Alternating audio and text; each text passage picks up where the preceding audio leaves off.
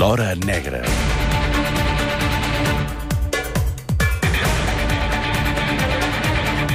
L'Hora Negra amb Maica Navarro. Avui, atenció, perquè parlem d'un cas molt recent, un cas eh, del qual eh, doncs en vam parlar eh, hores i hores, diaris, tertúlies, eh, un cas d'intrigues polítiques i d'enveges personals que passava l'any 2014 i que sonava així. Somos un partido fuerte, somos un partido trabajador. Y quiero decirte, presidente, que estamos unidos.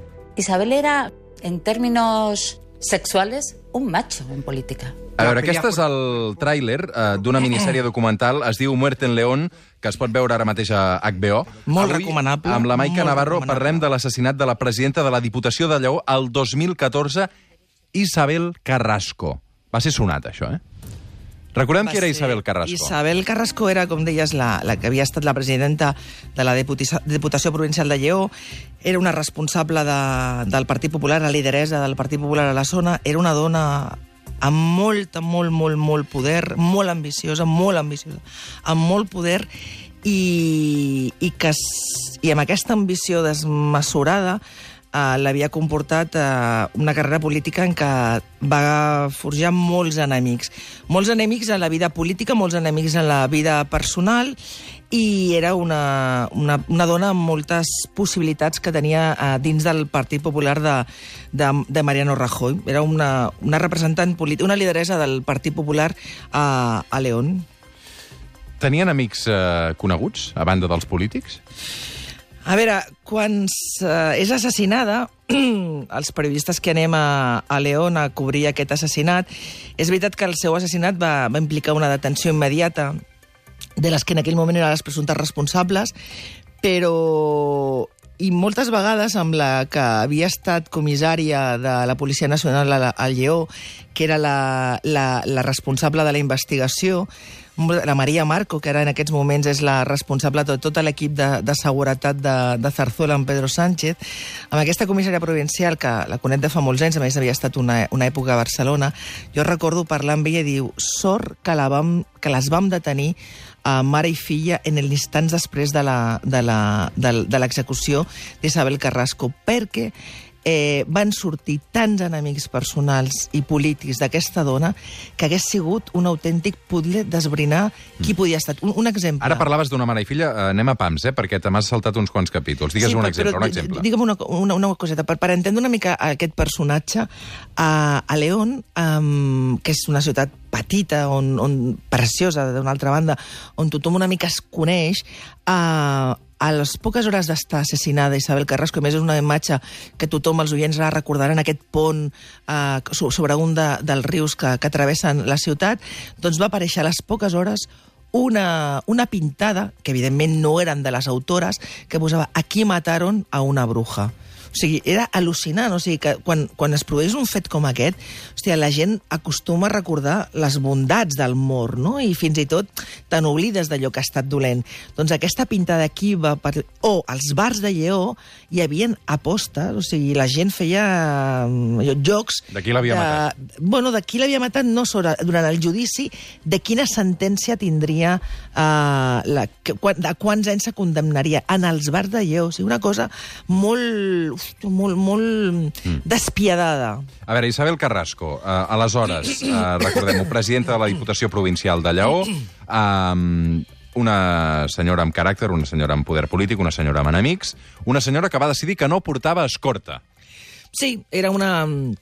Insisteixo, ella tenia molta fortalesa, era una tia molt valenta, una dona molt valenta, i entenia que, vaja, que els enemics l'anirien... Clar, ella quan parlava d'enemics entenia que eren uns enemics polítics i que qualsevol afrenta allò cara a cara que ja ho podria combatre. Era molt petitoneta, era una dona molt, molt petitoneta, anava sempre alçada amb uns talons molt, molt alts. I aquell dia, eh, aquella tarda del 12 de maig del 2014, és a dir, fa ja d'aquí poc farà 5 anys, hòstia, sembla que va ser ahir, eh? Doncs eh, venia, ella havia anat a dinar eh, molt a prop de, de casa seva. Aquella tarda hi havia un míting de, del Mariano Rajoy i el que va fer va ser amb la seva gent va dir, escolta, marxo un moment a casa doncs, per canviar-me per l'acte de- d'aquesta nit. I aleshores atravessava aquest, aquest, aquest pont quan... Bueno, doncs quan... Algú li va disparar pel darrere. quan una dona se li apropa a pocs metres i a una distància, jo, quasi a, a boca de canó, dispara. I un cop a terra la remata. Això va passar aquest 12 de maig de 2014. Cap a un quart de sis de la tarda, Isabel Carrasco surt de casa seva, recorre aquests 100 metres i, per l'esquena, com ara explica la Maica, una persona li dispara i després li torna a disparar per acabar de, de rematar. Sí, la remata al terra. Era una dona? Era una dona que, a més a més, anava així com tota molt tapada, amb una cosa d'hora fosca, amb una gorra, un mocador blau que gairebé li tapava tota, tota la cara, i aleshores alarma, la guarda amb una bossa de mà que, que porta a sobre, es perd, i aleshores, de sobte, aquesta bossa, hores després, apareixeria en l'interior del cotxe d'una policia local de Lleó, la tercera, la quarta dona implicada en aquest cas. Realment... Um... Ah, realment, el cas... És que, o sigui, aquesta dona, després de disparar, Guarda l'arma, en algun moment, en algun carrer pròxim, fa un, li entrega aquesta bossa amb l'arma a la Triana, que és la seva filla, i la Triana deixa la bossa amb la pistola en l'interior del vehicle d'una policia local que estava casualment, segons ella, intencionadament, segons la sentència, doncs molt a prop, en un carrer pròxim al crim, i allà va guardar l'arma de, del crim. sabem com es diu la dona que va disparar? La dona que es va dis disparar, sí, sí, és la Montse, és la Montse González. La Montse González era militant de, del Partit Popular, era dona del comissari de Policia Nacional d'Astorga, era... I bé, és veritat que, que el marit, amb, eh, des de que havia aconseguit la plaça a Astorga, doncs feien una vida... És a dir, es veien bàsicament el cap de setmana i el que havia aconseguit, doncs la Montserrat estava, havia creat una relació tòxica, diria jo, amb la seva filla, amb la Triana. La Triana era una, era una jove promesa del Partit Popular també, que havia entrat a treballar a l'administració, a l'administració de a la Diputació de Lleó com a tècnica, que tothom la defineix com una dona molt encantadora, que en seguida va, va guanyar posicions, i que durant la instrucció no va aparèixer, durant la instrucció no va aparèixer, però és cert que en el, en, durant el judici la Triana es va, va, bueno, va assegurar en aquell moment que les enemistats amb la, amb la Isabel Carrasco venien perquè una nit a casa seva la Isabel Carrasco va intentar mantenir relacions sexuals amb ella, ella no va, les, la va rebutjar i arran d'això va començar el que la Triana va dir, va anomenar com un calvari en el que tot León li va donar l'esquena. Bueno, això És un, estava per tant, fora... és un, és un mòbil amorós, per tant? Tu creus, aquest assassinat? Uh, els investigadors mai es van creure aquesta, aquest supòsit. És veritat que, la, que l'historial sentimental de la Isabel Carrasco era, bueno, havia estat intens, però no estava, semblava que no estava entre les seves um, inquietuds a les dones. En qualsevol cas, alguna cosa passava en amistat, però segurament sí que podia ser que Isabel Carrasco, i això els investigadors t'ho expliquen, tingués gelos de la, de la, de la Triana. Doncs una noia bueno, que tenia, insisteixo, molt... La Isabel Carrasco no volia competència al seu voltant i va veure la Triana doncs, com una competència no immediata, però sí a llarg termini. Sí, però d'aquí una... a ser assassinada, no? Bueno, no, no. Aleshores, el que fa la Isabel Carrasco és, en seguida, la treu fora de la Diputació i segons la Triana i segons la seva mare declarant el judici durant la instrucció, la seva vida a León es converteix en un calvari. Tothom li fa el buit i la Isabel Carrasco aconsegueix que mai més torni a tenir feina. Això que provoca la mare i filla en aquest apartament soles tot el dia parlant en bucle d'Isabel Carrasco com la dona que els hi ha amargat la vida. I la Montserrat González en, en bucle constantment senyalant a l'Isabel Carrasco com l'origen de tots els seus mals. O sigui, van absolutament embogir. Van embogir totes dues i tot i ser dues dones amb estudis, preparades, especialment la Triana, estudiant de telecomunicacions, una tia amb molta formació i molt intel·ligent, es va deixar arrossegar per aquesta toxicitat de la mare, per, aquesta, per allò assenyalar a la Isabel Carrasco com l'enemiga de tot, i van acabar creient totes dues, com si fos una secta, que Isabel Carrasco era un dimoni i que se l'havia de liquidar i van fer un plan. Un plan en el que hi havia un, un paper principal era que, clar, érem dona i filla d'un comissari de la, del cos nacional de policia i alguna cosa de policia sabien. Què van començar a fer? Seguiments de la Isabel Carrasco. La Isabel Carrasco no anava més corta, però és veritat que tenia una parella sentimental en aquell moment, que era un, un, un home bastant més jove que ella, així de molta envergadura, que una mica li feia de parella, també una mica li feia de protecció, Poques vegades estava sola, poques vegades estava sola, però la, la Montserrat González bueno, la, la seguia. Van aconseguir l'arma a Astúries, es van ficar al, a, a l'am... Ja s'havien viscut una temporada a Astúries en un dels destins policials de, del pare, i allà a Astúries sabien perfectament, bueno, doncs per converses a casa, on estava la delinqüència, a quin barri tu podies anar, i aquesta dona se'n va anar a, als barris que tocava a preguntar on podia aconseguir una armaneta, i va comprar una armana neta, va comprar municions, va començar a mirar per internet la manera de disparar, en fi, eh, tot un plan. Doncs ella sortia de tant en tant a buscar a, a Isabel Carrasco i aquell dia va trobar el moment propici en què se la va trobar sola a sobre d'aquest pont i va disparar. ¿Por qué? ¿Por qué no está arrepentida? Pues porque O- si, si no mentiría. ¿Usted estaba Mentiría. convencida de que si no lo hacía su hija podía tener algún percance o Claro, por eso es pasar que algo? sí, y por eso es que si no lo hago, la verdad es que mi hija lo iba, bueno, iba a ir al entierro como fui a los otros de los otros. Aquest moment... Montse González, o sigui, el que judici- reconeix el crim però no se'n penedeix, no? Aquest moment jo ho recordaré tota la vida com un de- d'aquests moments de la professionals que se't queden gravats a la memòria. Era l'audiència a Lleó, una sala molt petita que estava ple de periodistes.